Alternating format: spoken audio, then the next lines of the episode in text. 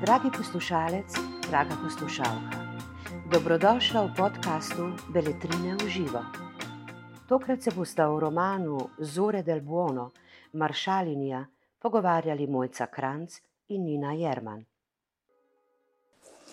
Lepo pozdravljeni. S prevajalko in dramaturginjo Mojco Kranc bomo govorili o romanu Maršalinja, pisateljice in arhitektke Zore Del Bono.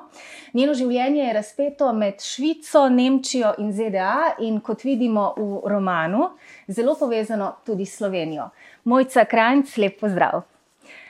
Lep pozdrav Zelo zanimiv naslov romana. Kako ste se odločili za prevod Maršalinja, prav te besede? Najlepša hvala za priložnost, da eh, lahko razložim to svojo odločitev. Um, Di Maršalin, ne, to je pač ženska oblika od Der Maršal. In tako kot se velikokrat zgodi, da ima slovenščina več izrazov za kakšen en nemški izraz, in seveda je možno tudi obratno, to se je zgodilo tudi uh, pri ženski obliki pač besede maršal. Um, pri, v, že v slovenskem, v tem slovarju slovenskega knjižnega jezika imamo dva izraza in sicer maršalka pa maršalica. Ampak tako opis kot asociacija teh dveh je govorila o tem, da gre pravzaprav za osebo, ki je maršalova žena. V tej knjigi pa in zlasti poznamo pač to, posebej maršalcev, recimo v slovenskih prevodih, kakšnih teh romanov, realističnih iz 19. stoletja. ne. Uh, ker pa v tej knjigi seveda ne gre za žen, maršalovo ženo, ampak gre za uh, osebo, ki, če bi se rodila kot moški, bi postala maršal. Skratka, osebo, ki nosi čin maršala. Se mi zdi, da moram nekako s to besedo, kako bom prevedla, di maršalin, opozoriti na to. In zdaj po pravilih slovenskega oblikoslovja je maršalina čisto v redu in je tudi neutralno.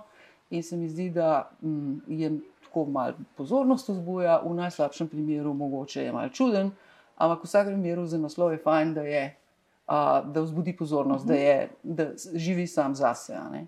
Seveda so, bili tukaj še, so bile še druge možnosti, recimo ne vem, maršal lesa ali pa a, kaj recimo ta maršalisima bi tudi lahko bila, ne? ampak se mi zdi, da kot naslov bi mogoče kdo lahko slišal tam kakšen pridih ironije. In čeprav je v romanu seveda veliko ironičnih uh -huh. elementov, v tem naslovu ga pa ni. Eh, Gre za družinsko sago, ki govori o slovenki Zori Ostan, avtoričini babici, o izjemno močni ženski. Kako ste jo doživljali ob prevajanju? Um, v bistvu moram reči, da ne, ne, kot prevajalec, kot prevajalka ne morem doživljati osebe, dra, dramske osebe, osebe romana uh, tako neposredno. Jaz v bistvu moja naloga je in tako nekako skušam zmeri gledati, da to gledam skozi, oziroma z avtorjevimi očmi. No? Mislim, kako, kakšen odnos ima avtor. In tle je še posebej pomembno, zato ker gre za osebo, ki je v resnici živela in je realna oseba bila in je pravzaprav celo tudi sorodstveno povezana, tako kot ste rekli, to je stara mama po očetovi strani od avtorice. In uh, seveda z vsemi svojimi lastnostmi, te odločnosti, talentiranosti, uh, energičnosti in kaj tukaj lahko naštejem do naslednje srede, je gotovo bila en, um, kako naj rečem, dober, dobra figura za uh, osrednjo uh, osebo romana. Ne, ne samo zato, ker je ne, v tem smislu gotovo bila zanimiva za avtorico. Obenem pa kot z vso svojo naklonjenostjo je ta avtorica to svojo babico o- očitno doživljala in jo pa tudi opisala, je do nje bila tudi zelo kritična. Eh, Morda eno pod vprašanje. eh, Rekli ste, da eh, ko prevajate, berete bolj z očmi avtorja. Eh, Ali nimate morda tega eh, momenta prvega, eh, recimo naivnega bravčevega eh, spoznanja ali pa prvega branja, ki ga, ki ga berete, preden začnete prevajati čisto neobremenjeno? Ne vem, če ni, ja, let na to bom težko odgovorila, ker se zdaj ta hip se ne bom mogla spomniti. A je sploh kakšna knjiga, sem jaz prebrala, ne da bi vedela takrat že, da jo bom prevajala. Ne, da takrat pol drugače bereš, kratko malo drugače bereš. Eh, Protagonistko eh, romana Maršalinja je utrdilo že otroštvo. Um, moč te zore ostan raste od um, recimo inauguralnega prizora naprej, ko ji oče ukaže pomesti iz hiše vseh 12 parov materinih damskih čevljev, mati je odšla in oče je pač v jezi to hčeri ukazal. Uh, Predvsej močan prizor, čeprav nekako lapidarno zastavljen. Kako bi ga komentirali? Kako ste? Ja, jaz mislim, da, da pač v roman seveda je tudi um, kolekcija podob. Ne? In močnejši, močnejše, ko so te podobe, um, bolj delujejo. Ne? In so lahko podobe čist spominske, lahko, spominske v smislu, da se nam možgane usedejo, bodi si v smislu metafor.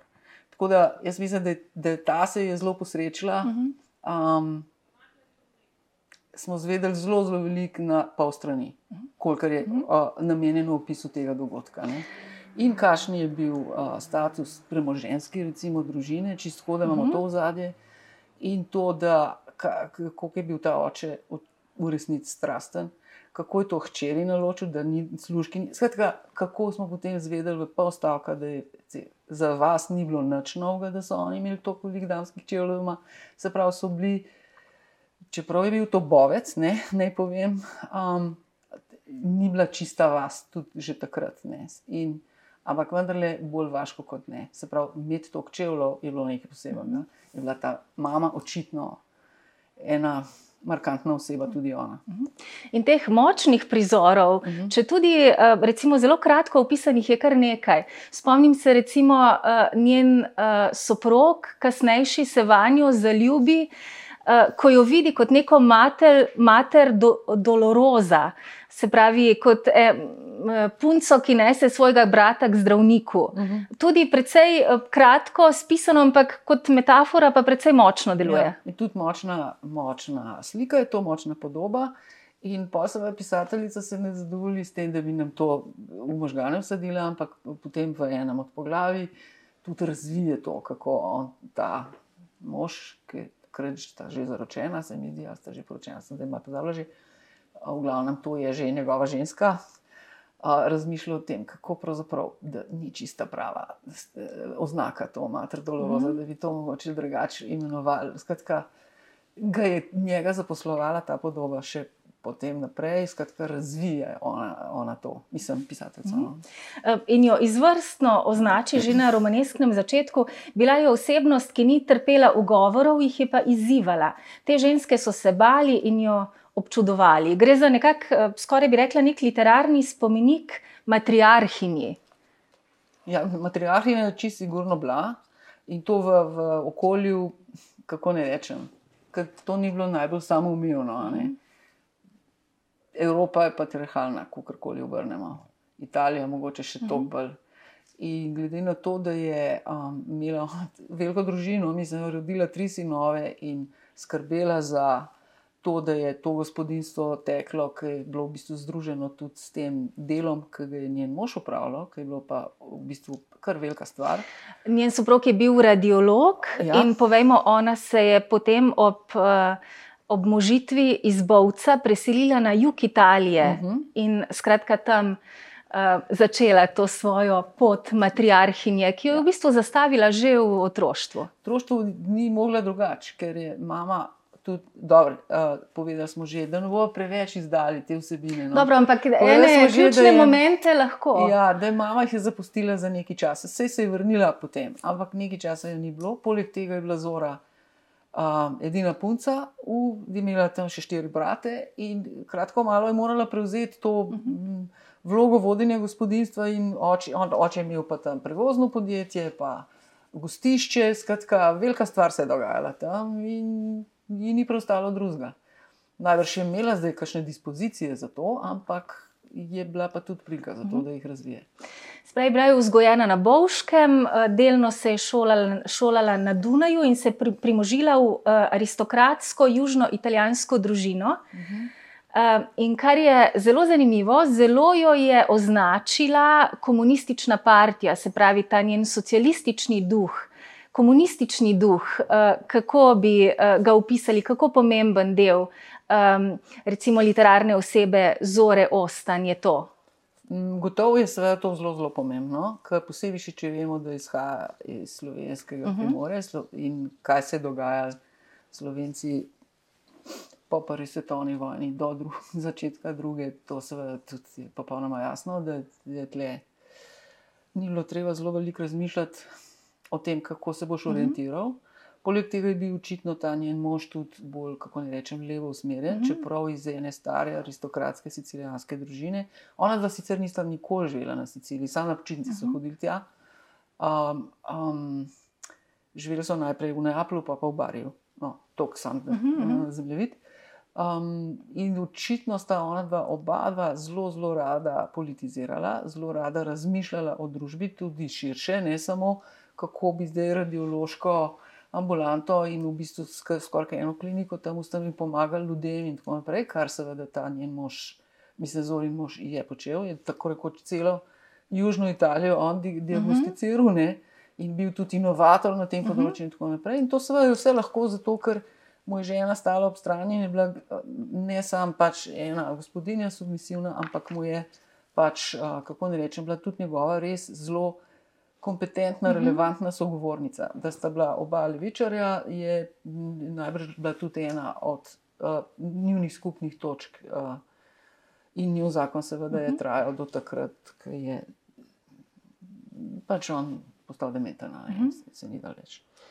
Um, Ampak kaj- še, samo še ja, nekaj, izvolite. treba je samo še na to upozoriti, na kontekst. Um, um, zaljubila sta se Zora pa ta njen Pietro ob koncu prve vojne, ko je bil Pietro v Bovcu z italijansko vojsko, se pravi Mhm. okupatorsko. a ne.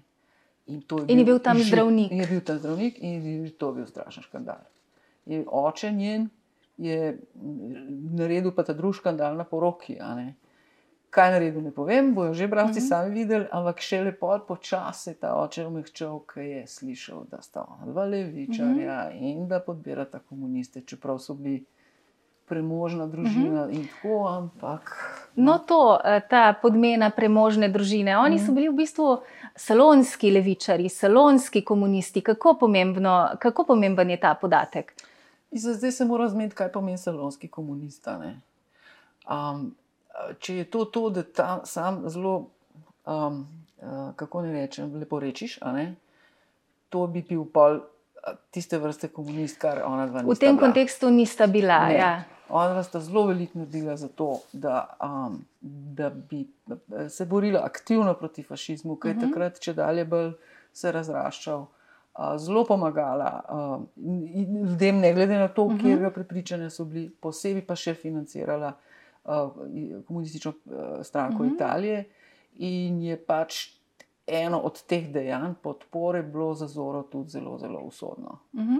Eh, S tem svojim uh, denarjem, ki ga je v glavnem eh, zo, uh, Zora del Buono kasneje razpečevala in dajala okrog, um, sta skratka financirala zelo veliko um, stvari. Ja. Uh, dobro, uh, prvi uh, roman je razdeljen na dva dela. Prvi del knjige je spisan v tretji osebi, potem pa preidemo do babičinega monologa, se pravi, ob koncu romana uh, je uh, Zora Del Bono že v um, starejših letih. Um, prvi del romana obsega obdobje od leta recimo 1919 do 1948, kasneje pa se um, preselimo uh, nekaj mesecev pred smrtjo Josipa Broza Tita. Pa morda najprej vprašanje, kateri del romana vas, se vas je najbolj dotaknil? Mm, težko vprašanje. Težko. Um, moram povedati, da ja, res sta dva dela in res je, da, da sta popolnoma različna. Ne samo potem, da je drugi del blazno krajši, uh -huh. ampak tudi potem, da je poglavje v drugem delu samo eno. Uh -huh. um, samo to eno poglavje je pa daljše, kot je vsako od tistih poglavij v prvem delu. V prvem delu je 17 poglavij. In je res, kot pravite, so, je ta prvi del napisan v tretji osebi. Ampak to ni ponavadi, da rečemo tretji osebni pripovedovalec. Um, mislimo s tem vsevednega, Mhm. objektivnega pri, pripovedovalca. Kar se, kar se pa zmislila ta Zora Delbono, pisateljica, je pa nekaj, kar je mene zelo, zelo pritegnilo, moram reči. Ker pritegnilo me je tudi tisto, kako je uh, se lotila pol drugega dela, bom razložila zakaj. Uh, namreč, da je vsak od teh, vsako od teh poglavij ima pač svojega fokalizatorja. Se pravi, da, ima, da je sicer pisano v tretji osebi, ampak nam zelo hitro postane jasno, da je to pogled ene od oseb, ne zmeri zore, uh -huh. čas, uh, so tudi druge osebe, te njene bližnje, ki nastopajo. Ampak uh, to je tako spretno napisano, tako duhovito, tako kako ne rečem, kljub temu, da so to različni glasovi, je ona napisala to tako, da je dramaturški lok te zgodbe perfektno mhm. speljan mm -hmm. in da so ti v bistvu glasovi kot en orkester. Ne. Včasih se celo pokriva, recimo v kažem flashbacku, zvemo, kako je kažna oseba gledala na dogodek, za katerega mi že vemo. Mm -hmm. Ampak s kažnim tako, samo pombo, ne izčrpava se ona zdaj v kažnih rašomonskih sredstvih. V glavnem ne. ne, ja. ne. Mm -hmm. to, to je eno, ta drugi del je pa popolnoma drugačen kot ste sami rekli, ta, ta prvi del um, obsega čas od konca Prve svetovne vojne do 48, uh -huh. S tem, da je 48 let konc ne zaradi informbiroja ali pa kaj, to je na ključe, uh -huh. da se pokrije, ampak zaradi enega tega dogodka, uh -huh. ki je bil usoden. In potem se preselimo v leto 1980, kot zvemo. Uh, to je pa napisano v, v prvi osebi, ampak ne na način nagovora bralca, ampak v bistvu govori Zora Delbono, babica, eni osebi, ki je tam prisotna, uh. -huh. ta način odgovarja, pustimo to, zakaj ne. Ampak predvsem je to najbolj prvosedni govor, kot je možno, namreč monolog. Uh mhm. -huh. In to je pa spet nekaj, kar mm, je zelo, zelo privlačno, meni znano pač iz gledališča. Ampak da to spet ne bi bilo predolgovezno, pa premalo dinamično, se zmisli zora, da bomo pisali še tretjega diskurza. To je pa, da je ta monolog posejan s kratkimi teksti, ki opisujejo na slovarski, oziroma leksikonski, ali pa tako ne vem, geslo v Wikipediji, način, se pravi, v bistvu poročilo. No? Zelo, zelo objektivno, tako rekoč, nepristransko, skoraj ravnodušno opiše usodo določenih oseb, ki smo jih mi spoznali mhm. v prvem delu. To je pa celo tudi grafično različno, ne? mislim, tako, da ja vidim, da je to drugače, ker je to zelo čustveno, zelo, zelo skoraj kot Tomas Bernhardovsko. No? Ona to govori, vmes so pa te stvarni kosi, mm -hmm. kukoren, eh, kot rečeno, leksikon znamenitih osebnosti. Tako da odgovor je bil. Vsi trije diskurzi so me očarali. So zanimivi uh, in privlačni. Uh, meni je bilo recimo zanimivo, uh, seveda ta protagonistka je zaradi materinega odhoda, ki smo ga omenili uh, iz otroštva, celo življenje potem skeptična do žensk, tudi uh mhm. -huh. do uh, uh, soprog uh, svojih sinov. Svojih treh sinov in skratka, do vseh žensk, ampak na koncu v tem delu monologa pravi pa takole. Pride prav do spoznanja. Iz mojega uh, življenja so izginili vsi moški. Štirje bratje, trije sinovi, mož, vsi so šli, mrtvi, hromi, izginuli. Kaj to pomeni? Odvisna sem od žensk. Ja, ampak to je en poseben tip žensk, ki jih je ona tle srečala v zadnjem delu. Jaz mislim, da ona, seveda, je imela poseben odnos do žensk, ampak v bistvu je bila zelo, zelo samostojno misleča, zelo napredna in si je mhm. želela, da bi bile take tudi ženske, na katere je imela vpliv, da se pa bi imela rada vpliv. Zato se je pol tega malo bala. Najbolje je bilo, da bi moji sinovi se poročili s kakšnim sirotam, da se meni ne bi bilo treba z mhm. njihovimi mamami botkati, ampak da jih jaz dobim in jih tudi njih vzgojim v samostojno misleče mhm. ženske. Ne? To v tem smislu, ne da bi ona zdaj bila mizogina, boh ne da je, kje pa. Uh -huh tudi svoje te, um, uh, ki so bile v službi prneja. Včasih je bilo več, včasih manj, to jih je vse, uh, nekako ne rečem, usmerjala v to. Ja, jih je zelo trdo prijela, ja. ampak jih je nekako preuzgojila. Ne? Odpirala. So ji no. bile na koncu celo hvaležne, nekatere ja. pravi avtorica. Ja. Uh, ampak uh, tudi avtorica uh, Zora Delbono je ob obisku večkrat omenila, ob, ob, ob obisku Slovenije in sveda festivala Fabula je večkrat omenila um, kako je jug Italije um, slab za sinove, se pravi, s temi močnimi, močnimi mamami, ki priklenejo sinove na sebe. Uh, na nek način je ona to tudi počela. pravi avtorica, se pravi Zora Del Buono, ko piše o svoji babici? Mm, tako je rekla avtorica Tlena ja. v Cakarjevem domu. Ja. Ja, lej, mogoče. No. Oziroma, tudi v kakšnih intervjujih. Ja, mi, v časopisih. Mislim, doživela, jaz bi rekla tako, no, da je ona si želela, da bi imeli sinovi najprej poklic, pa pa familijo. Ne. Ker je, je bila tudi v tem smislu prosvetljena, da je vedela, če nimaš, mhm. -huh. če nisi doštudiral, če nimaš poklica, raj ne. ne. In tudi uh, ona sama sicer ni. Ona razen, ni študirala. Ja. Razen tistih mhm. -huh. dveh let na Dunaju ni, štud, ni imela končanega nobenega uh mhm. -huh. študija in to je ena od njenih, kaj je že ena od sina snaha. No? Ena od njenih snah je to tudi tako uh mhm. -huh. mal hoče učitati. Ne? Sam je bila pa strašno radovedna, zvedava, študiozna. Ona je ogromno stvari sama pogruntala uh -huh. in se naučila, brala razširjalo jezikov znala. In tako tri, uh -huh. skoraj tako, da ni bilo, mislim, bi bilo vseeno. Manj kot govori. njen mož, ampak ja, ja nekaj jih je pa znala. Hoče reči, da, da, da ta hiša tudi v Barju, recimo, ne, ki jo je pravzaprav sama sprojektirala. Ni bila tako naduta, da bi to naredila. Či sama je imela tam enega statika, da je stroka pa to, ampak za misel pa mm -hmm. in, in ta italijanski fini modernizem, ki ima sicer no, en slab predznak zaradi tega, ker so ga fašisti tako veliko financirali. Ampak vendar je to krasna arhitektura. Ona to poštekala sama in ni, bilo, ni ona zdaj študirala mhm. arhitekture. Ne.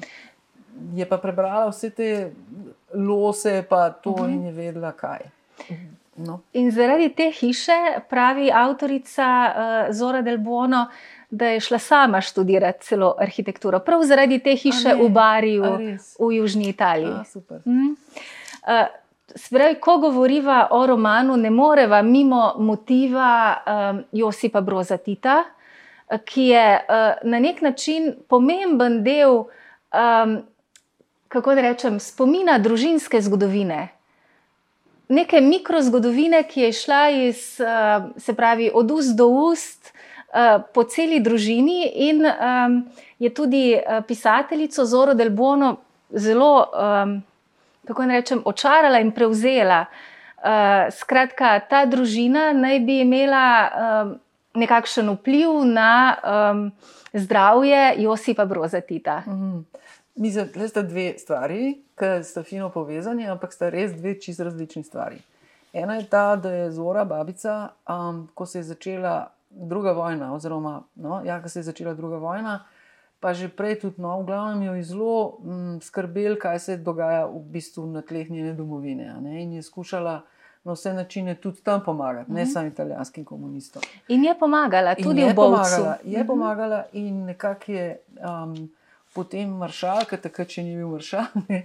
Uh, bil, um, kako ne rečem, naj, najprej kot metafora tega, kako ne rečem, odporniškega gibanja, in mm -hmm. potem partizanskega, in tako, potem pa seveda tudi kot en karizmatičen voditelj, um, ki je, kako ne rečem, povezal vse, uh -huh. v, v, vsa ta gibanja v to, da smo pa imeli eno obe.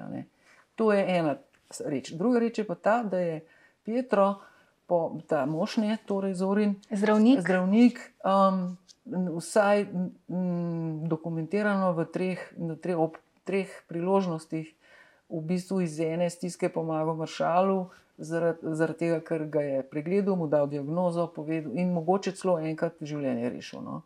In to se je zori zelo, zelo dobro zdel. Ne? Tako da v tem smislu um, je nekdo, ki ga je ona občudovala, um, je lahko dobesedno iz njene družine uh -huh. temu istemu človeku prišla pomoč. Ne? To se je dobro zložilo. Čeprav na koncu je eh, razlagala, da je ugotovila, da ima vsak svojo verzijo tega spomina. In je na koncu celo uh, vprašala slovenskega uh, zgodovinarja Jožeta Pirjevca mm. in je uh, postregel z nekim podatkom, kdaj bi se morda res lahko Josip Brostito nahajal v tej njihovi uh, hiši v Južni Italiji. Mm -hmm. uh, ali bi lahko rekli, da je roman v bistvu spominski roman, ali bi ga bolj označili za družinsko sago? Kaj bi rekli? Jaz bi šla mogoče malo širše. In jaz tako žanrsko bi rekla, da to a, spada ta roman v tisto skupino literature, ki ji anglo-američani rečejo fiction faction. Uh -huh. Um, kar pomeni, da je v njem prepleteno, uh, pač so prepletena neka dejstva, zgodovinska ali pa družinska, kakršna koli, skratka, preverljiva, da not nastopajo osebe, ki so večinoma res živele, da je pa to prepleteno z, z enim pisateljskim postopkom, se pravi, imaginacijo, inspiracijo, mm -hmm. to, kar pač mora pisatelj delati. Na ključe hoče, da je recimo en mojih najljubših avtorjev, te, mm -hmm. od teh, ki sem jih prevajala, to je Alex Kopi, tudi švicar in on se mi zdi mojster tega fiction-faction žanra. In on je ena od teh knjig, ki sem jih prevedla, njegovih, recimo, govori o, o Robertu Louisu Stevensonu, izhodišče romana je pa, da je otok zakladov, se pravi ta najslavnejša Stevensonova knjiga, res obstajajo. In Kopi gre in to razišče in napiše roman. Na koncu tega romana je pa en kratek tekst, odlom, odlomek iz enega pisma, ki ga je Stevenson, to se pravi, to je konec 19. Mm. stoletja, pisal svojemu prijatelju. In ta odlomek se mi zdi en tak, kako ne rečem, poe, proto poetika tega žanra fiction fiction. In če dovolite, in če imamo dovolj časa, jaz imam to sabo na telefonu in mm -hmm. to prebrala, zato ker je on to napisal bolj, kot jaz znam povedati. Ne? In potem bi navezala jaz to tudi na tale roman. Mm -hmm.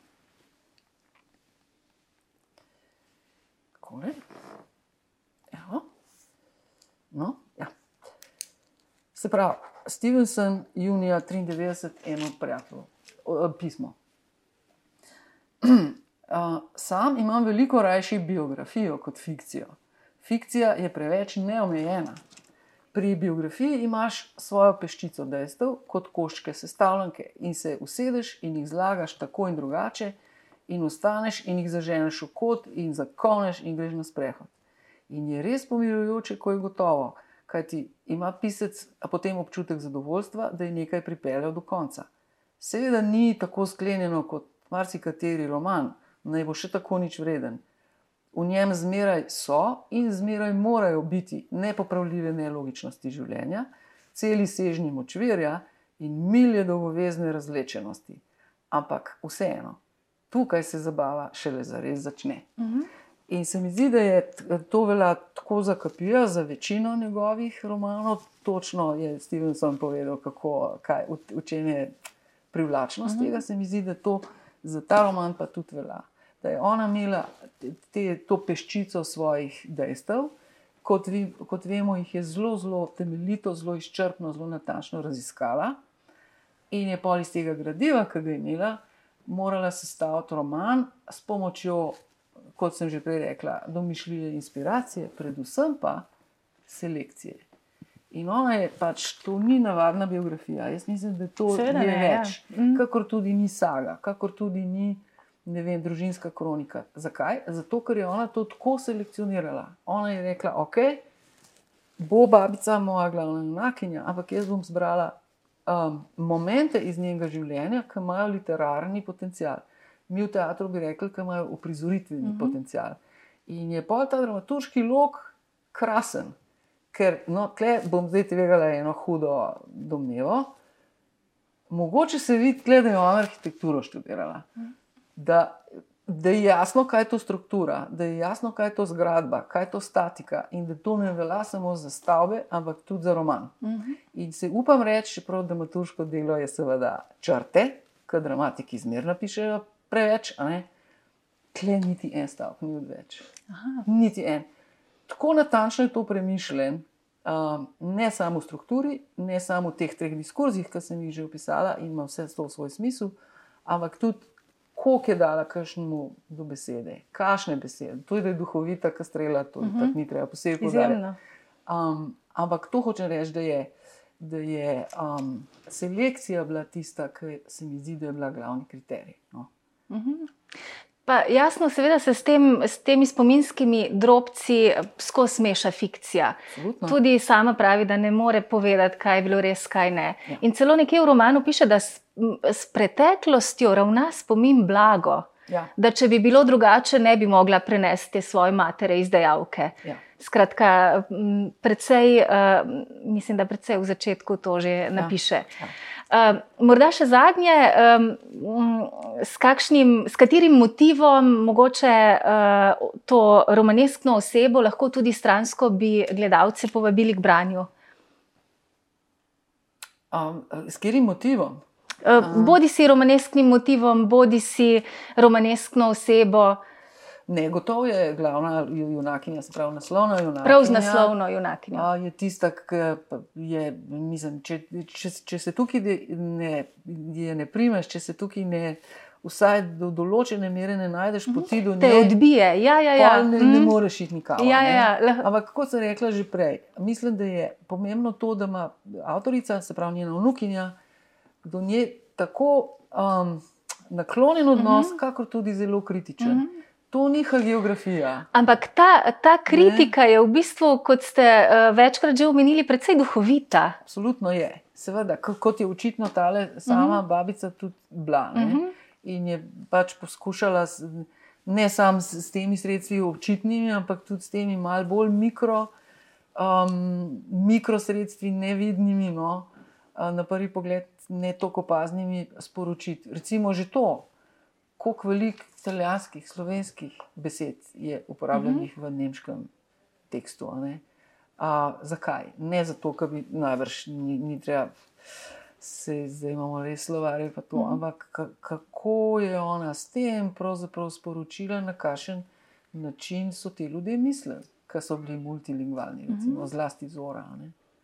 Skratka, kar sem hotel reči, je, da gotovo bo slovenskega bralca tako na prvi pogled, ali pa tako čist, čist uh, impulzivno pritegnilo to, da je glavna junakinja Slovenka, da se veliko poglavij dogaja pač, uh, v Sloveniji, da je noter veliko zgodovinskih dogodkov, prepoznavnih iz naše zgodovine. To je zmer fino, kadar bralec prepoznava določene elemente. Ampak že pol se prepričana na drugi pogled, ga bo pa pritegnila sama zgodba, uh mhm. -huh. način, kako je napisana in mu bo postalo vse en, a je ta zora, se pravi babica zora. A je bila iz Bovca, a je bila Južna Tirolka, a je bila pa iz Provence. Mene je mogoče še najbolj uh, pritegnila ta njena preživetvena moč. Uh mhm. -huh. In to že praktično od zelo mladih nog. No. Skratka, to se mi je zdel en tak uh, precej močan motiv. Uh mhm. -huh. Ja, to se, to se strinjam, to je zelo. To ste hoteli, da bi jaz rekla. Ne? Jaz pa pokle lepo ure govorim. to je, to je samo moja misel. Ampak... Ne, to se strinjam. To Dobro, vsaka, vsaka ja. jasno, kot vsak mhm. bralec ima vsaka ja. uh, svoj pogled in svojo sugestijo za gledalce. Mojca Kranc, hvala za pogovor. Prosim, z veseljem. Najlepša hvala za vašo pozornost. Za več knjižnih vsebin vas vabimo na www.beletrina.si in v našo knjigarno na Starem trgu 3 v Ljubljani.